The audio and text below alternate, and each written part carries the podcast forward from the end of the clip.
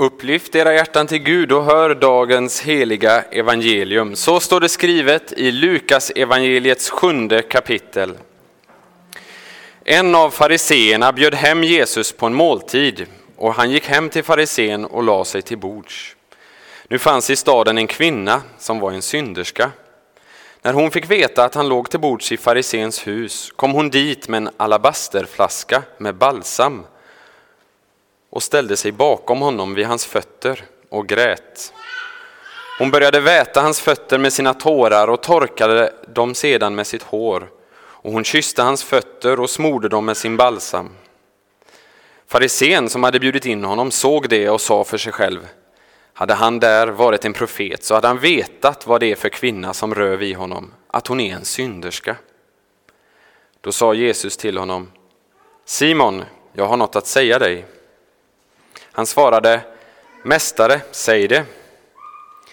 Två personer stod i skuld till en penningutlånare. Den ene var skyldig 500 denarer, den andra 50. När de inte kunde betala efterskänkte han skulden för dem båda. Vem av dem kommer nu att älska honom mest? Simon svarade, den som fick mest efterskänkt antar jag. Jesus sa, du har rätt. Sen vände han sig mot kvinnan och sa till Simon, ser du den här kvinnan? När jag kom in i ditt hus gav du mig inget vatten för mina fötter. Men hon har vett mina fötter med sina tårar och torkat dem med sitt hår. Du gav mig ingen hälsningskyss, men sedan jag kom in har hon inte slutat kyssa mina fötter.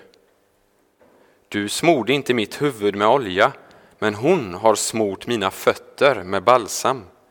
Därför säger jag dig, hon har fått förlåtelse för sina många synder. Det är därför hon visar så stor kärlek. Men den som fått litet förlåtet älskar lite. Sen sa han till henne, dina synder är förlåtna. Då började de andra bordsgästerna fråga sig, vem är han som till och med förlåter synder? Men Jesus sa till kvinnan, din tro har frälst dig, gå i frid. Så lyder det heliga evangeliet. Lovad vare du, Kristus. Det är underbart att leva en vårdag som denna. Äntligen så kommer solen och värmen tillbaka och så får vi lov att fira gudstjänst tillsammans. Det mest underbara är att vi får lov att göra det i vår käre frälsares namn. Dagens text som Henrik läste här, den kretsar kring förlåtelse. Och det finns inget bättre än att få tala om just syndernas förlåtelse. Det som är huvudsaken för den kristna tron. Vi kommer för att få förlåtelse och vi är en gemenskap av förlåtna syndare som träffas för att fira gudstjänst. Jag har som rubrik för, äh, för predikan skrivit Din tro har frälst dig. Och vi har i texten fått höra om denna måltid hemma hos farisén Simon. Så måltiden den utgör så att säga ramen för det vi ska tala om idag och det viktiga som Jesus har att säga till oss var och en. Men ramen är i sig inte utan betydelse. Mer än 2000 år innan dagens text så läser vi om en annan måltid. En måltid där Abraham bjöd Gud på middag. Kontrasten till middagen hemma hos Simon är slående, trots att det är samma gäst. I Första Moseboks 18 kapitel så läser vi det här. Han såg upp, alltså Abraham, och se, tre män stod framför honom. När han fick syn på dem skyndade han ut från tältöppningen för att möta dem. Han bugade sig till jorden och sa, Herre, om jag har funnit nåd för dina ögon, så gå inte förbi din tjänare. Låt mig hämta lite vatten så att ni kan tvätta era fötter och vila er under trädet. Jag ska också hämta lite bröd så att ni kan styrka er innan ni går vidare. när ni nu har vägen förbi er tjänare? De sa, jag gör som du har sagt. Abraham skyndade sig in i tältet till Sara och sa, skynda dig, ta tre seamått fint mjöl, knåda det och baka brödkakor. Själv sprang Abraham bort till boskapen och tog en späd och fin ungkalv och gav den åt sin tjänare som skyndade sig att laga till den. Sedan tog han gräddmjölk, sötmjölk och kalven han låtit laga till och satte fram det åt dem. Och han stod hos dem under trädet medan de åt. Det är ganska så stark kontrast jämfört med måltiden hemma hos Simon. Och vi ser hur Abraham, han tvekar inte ett ögonblick inför sina gästers betydelse. Och han kallar sig själv för deras tjänare, trots att han själv var en rik man och hade många tjänare. Han erbjuder dem bröd, men när de tackar ja så erbjuder han dem en festmåltid. Han låter slakta en, en ung kalv. Han sätter sig inte själv till bords med sina gäster, utan likt en tjänare så står han för att passa upp medan de äter.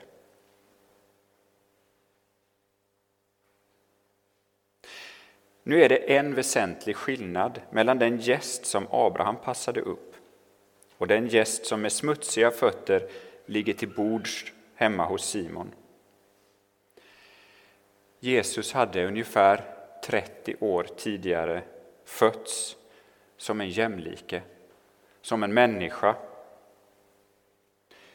Utåt sett så såg han nog ut som en vanlig människa. Abrahams gäster var inte människor. De hade antagit människoliknande skepnader, men något fick Abraham att omedelbart buga sig till jorden. Det borde Simon också ha gjort. Men han tvivlade till och med på att Jesus ens var en profet. Och förmodligen hade han inte den minsta tanke på att det var Gud själv som låg till bords i hans hus. Dock ska vi ge honom det att han faktiskt var något mer öppen i sitt sinne än många av sina kollegor i det fariseiska partiet för att han trots allt bjöd hem Jesus för att få tillfälle att samtala. Så kommer alltså denna kvinna som, presenter, som presenteras som en synderska. Vi vet inte på vilket sätt hon hade förtjänat detta rykte, men det finns ingen anledning att anta att det inte var eh, välförtjänt. Men vilken sorts synder, det vet vi inte. Simon känner också igen henne omedelbart som en som de betraktade som synderska. Att hon kommer in under själva måltiden är i sig inget överraskande. Det kunde man gott göra när det fanns någon som hade en bjudning med någon spännande gäst.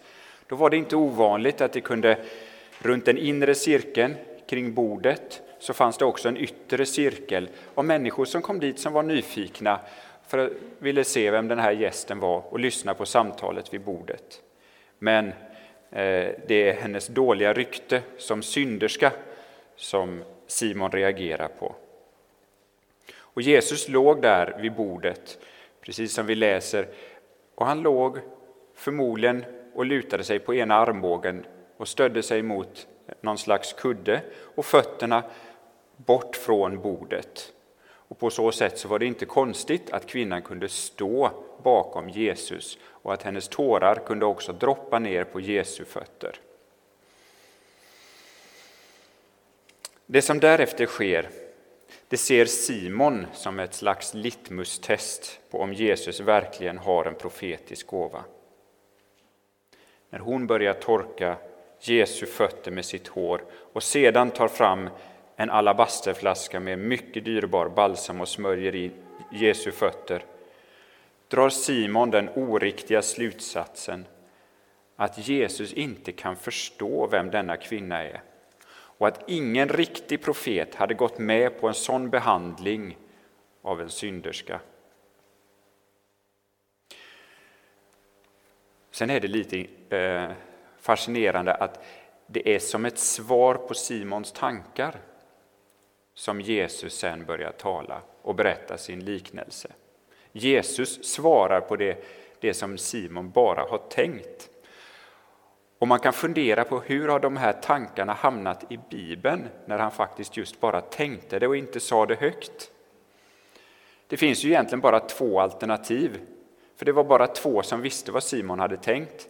Antingen så har Jesus själv berättat det för någon som senare har kunnat, eh, så att Lukas har kunnat skriva det i sitt evangelium. Det som kanske är mer troligt är att Simon själv har berättat om det. Simon, i likhet med sin partibroder Nikodemus, eh, är de enda två fariseerna som finns nämnda vid namn i Nya testamentet, eh, i evangelierna. Eh, och vi vet att Nikodemus kom till tro på Jesus, han finns sen med där vid gravläggelsen. Och man kan på relativt goda grunder anta att Simon också kom till tro. Men så är inte fallet vid måltiden som vi läser om. Och vi kan inte heller veta helt säkert. Men, men vi kan notera att i övrigt så är de här fienderna i, Bib i evangelierna de är namnlösa. De benämns som fariseer, sadduceer, skriftlärda, översteprästerna eller vid ett tillfälle herodianerna. Jesus berättar alltså om den här liknelsen med de två låntagarna, de som var skyldiga 50 respektive 500 denarer. 500 denarer var en skaplig summa pengar, några årslöner för de flesta människor på den tiden. Det är dock inte några astronomiska summor vi talar om. Och här finns omedelbart en mycket viktig poäng. Det är egentligen inte så att vår skuld inför Gud skiljer sig nämnvärt från varandra. Det är inte så att den ene av oss har tio gånger så mycket synd som den andre. Däremot så skiljer det sig åt hur mycket vi har kunnat få se av vår egen skuld. Den ene har kunnat få se mer. Och när han blir förlåten så kommer han uppleva att han har fått en större skuld efterskänkt än vad en annan. Och då kan det vara så att den som har det som är utåt sett kan upplevas som stora och grova synder uppfattar att han eller hon har fått mer förlåtet än den som bara har de här vanliga synderna som egoism, eh, oginhet, alla de här andra sakerna som finns i vårt hjärta men som inte nödvändigtvis behöver synas så mycket utåt.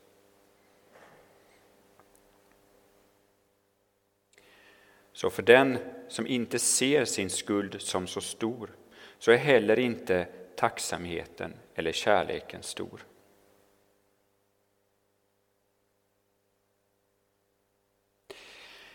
Vill vi få en förståelse av den verkliga skulden så kan vi tänka på den andra liknelsen i evangelierna som handlar om pengar eh, och skulder. Den obarmhärtige tjänaren. Där vet ni att den eh, medtjänaren han var skyldig sin kompis 100 denarer. Vi snackar samma summor här, 50, 500 eller 100 denarer som han då var skyldig. Men vad var den obarmhärtige tjänaren skyldig sin kung? 10 000 talenter. Det däremot är en astronomisk summa som ingen skulle kunna arbeta ihop och betala. Det är den verkliga skulden. Så min skuld är astronomisk och din skuld är astronomisk.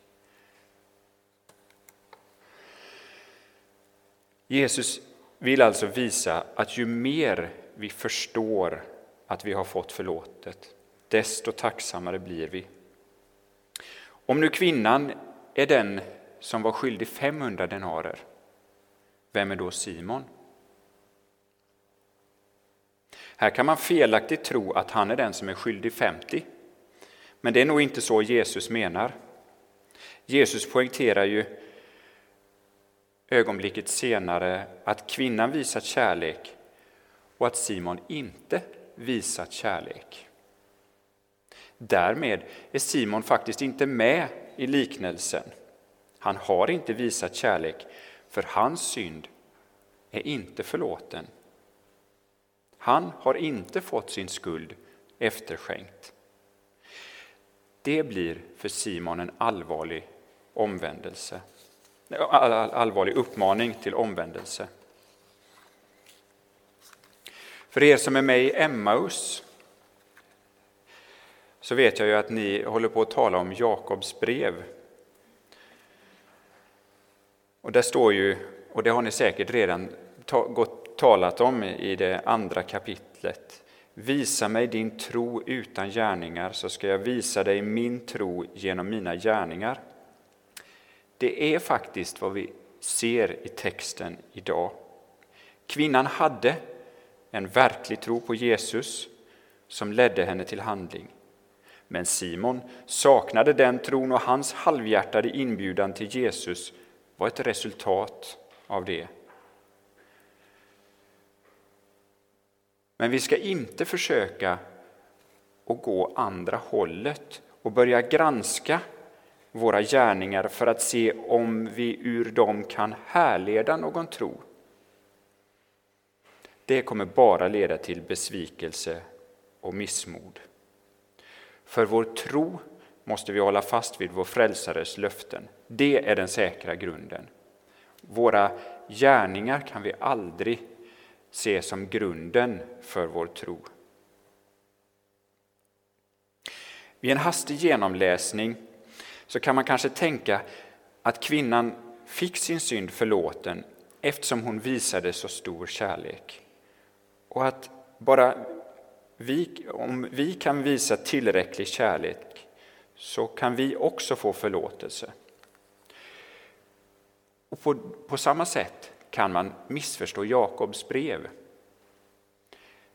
Men läser man så, så gör man det inte eh, utifrån hur det faktiskt står. Man sätter så att säga vagnen framför hästen. För Jesus säger ju själv i texten hon har fått förlåtelse för sina många synder. Det är därför hon visar så stor kärlek. Så håll noga reda på vad är orsaken och vad är verkan. Syndernas förlåtelse leder till kärlekshandlingarna. Den människa som har fått se något av sin egen synd och som på allvar har fått känna något av den skuld hon äger inför Gud, oavsett om man har förstått att det handlar om 50 eller 500 eller mer, kan inte annat än älska den som har förlåtit henne allt. Och från Guds sida så finns det ingen partiell förlåtelse. När Gud förlåter så förlåter han helt och hållet utan några som helst förbehåll. Det finns något gudomligt definitivt i det korta. Dina synder är dig förlåtna. Det som vi får höra här i gudstjänsten. Dina synder är dig förlåtna.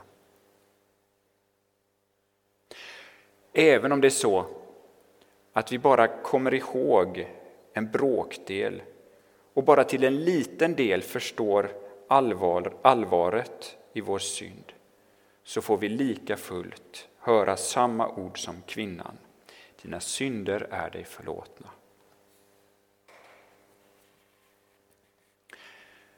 Så säger Jesus till kvinnan, din tro har frälst dig. Och vi har hört Jesus säga detta vid flera andra tillfällen. Bara i Lukas så säger Jesus det vid fyra olika tillfällen. Han säger det till kvinnan med blödningarna när han blir stoppad på vägen till eh, Jairus, Jairus hus. Han säger det till den samariske spetälske, till den blinde utanför Jeriko och så till kvinnan i dagens text. Vad är det med detta som gör att Jesus återkommer till det gång på gång? Är det inte Jesus som frälser? Är det inte han som förlåter? Varför kommer då detta talet om att det är människors tro som frälser? Finns det möjligen en motsägelse här? Och är det egentligen så att tron måste vara av en viss styrka för att den ska fungera? Det låter ju nästan så. Så här är det. Tron är den hand som tiggaren sträcker ut, likt den blinde utanför Jeriko, som ropade Jesus, Davids son, förbarma dig över mig. Han gör det i tron att Jesus faktiskt kan hjälpa. Det är vad tron är. Vår tro i sig innehåller inte frälsningen. I sig är den inte mer än just tiggarens utsträckta hand. Men den håller i, sig, i själva frälsningen och det är därmed en frälsande tro. I det ögonblicket en människa sträcker ut sin hand och griper tag i frälsningen och vi kan tänka på kvinnan med blödningarna som sträcker ut sin hand och tar tag i hörntofsen på Jesu mantel så blir hon i det ögonblicket frälst. Det är inte hennes hand som frälser henne. Det är att hon griper tag i frälsningen.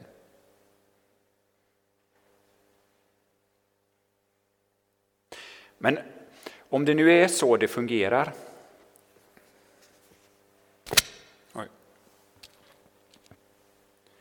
så borde ju varje människa sträcka ut sin hand för att ta emot frälsningen.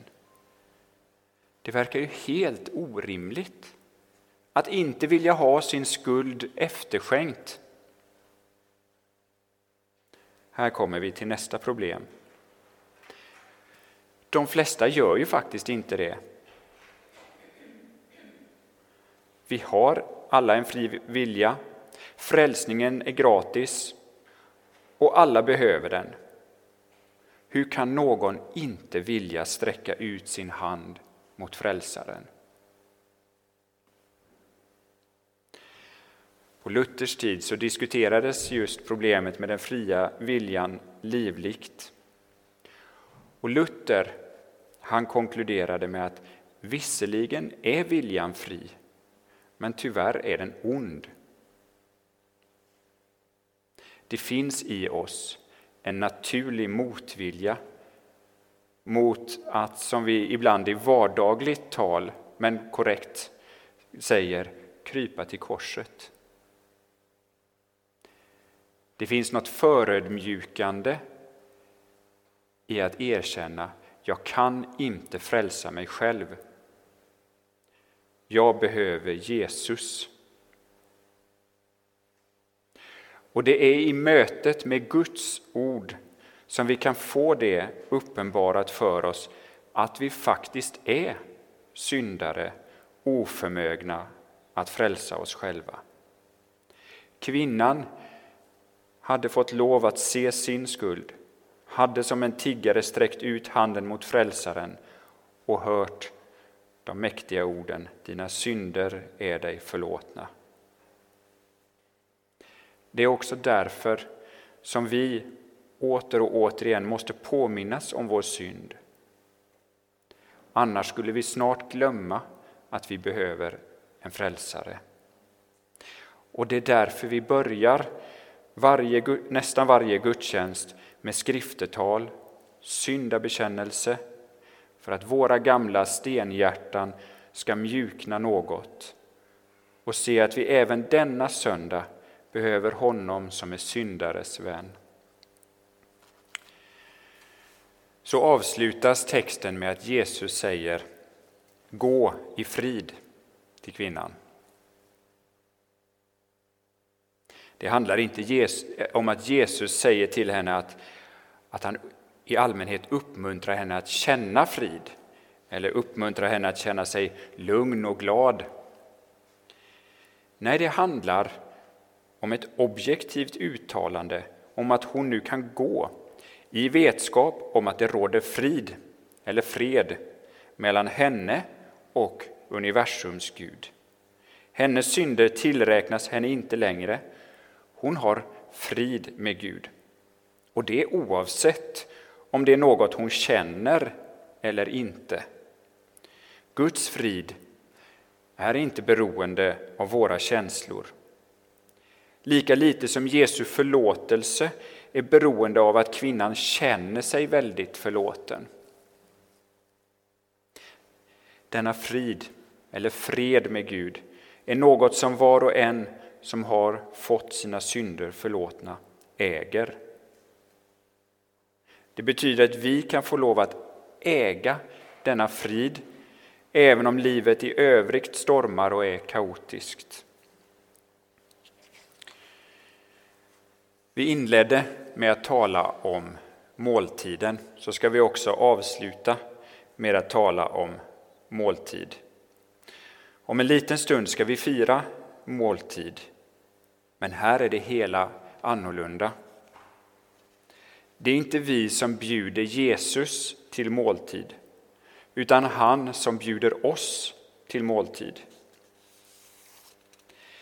Innan måltiden, när Jesus instiftade nattvarden, så tvättade han lärjungarnas fötter, som vi läser om i Johannes 13. Vi har inte fått våra fötter tvättade, men vi har fått ta emot syndernas förlåtelse. Vi är tvättade rena i Lammets blod. Alla som har det så har frid med Gud och kan med stor glädje fira måltid tillsammans med Frälsaren.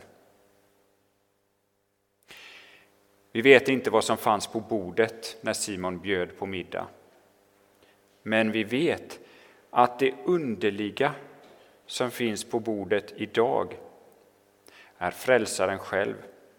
Han ger oss av sig själv till syndernas förlåtelse, liv och evig salighet. Varför gör han det? Och hur går det till? Ja, det där hur, det har nog jäckat de flesta, eller jäckar, de, jäckar oss än idag. Hur kan det fungera? Men jag vet varför. Ty så älskade Gud världen att han utgav sin enfödde son för att var och en som tror på honom inte ska gå under utan ha evigt liv. Där har vi svaret varför. Guds kärlek. Han har lovat att i det vi äter de små vita brödbitarna så är det egentligen så att vi får del av honom själv.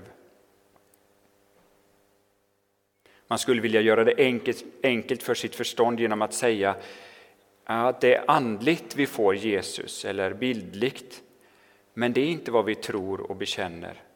Jesus säger själv, detta är min kropp som är utgiven för er. Ni som sitter här är inte som objudna gäster på en fin middag för lärda människor. Nej, ni är inbjudna av Frälsaren själv att komma och fira måltid med honom. Lovad vare Gud och välsignad i evighet som med sitt ord tröstar, lär, förmanar och varnar oss. Helige Ande, skriv ordet i våra hjärtan så att vi inte blir glömska hörare utan varje dag växer till i tro, hopp, kärlek och tålamod in till tidens slut och blir saliga. Genom Jesus Kristus, vår Herre. Amen. Låt oss så stå upp och högt och gemensamt bekänna vår heliga kristna tro. Vi tror på Gud Fader allsmäktig, himmelens och jordens skapare. Vi tror också på Jesus Kristus, hans enfödde Son, vår Herre, vilken är avlad av den helige Ande, född av jungfrun Maria, pinad under Pontius Pilatus, korsfäst, död och begraven, nederstigen till dödsriket, på tredje dagen uppstånden igen ifrån de döda, uppstigen till himmelen, sittande på allsmäktig Gud Faders högra sida, därifrån igenkommande till att döma levande och döda. Vi tror också på den helige Ande, en helig allmännelig kyrka, det heliga samfund, syndernas förlåtelse, de dödas uppståndelse och ett evigt liv.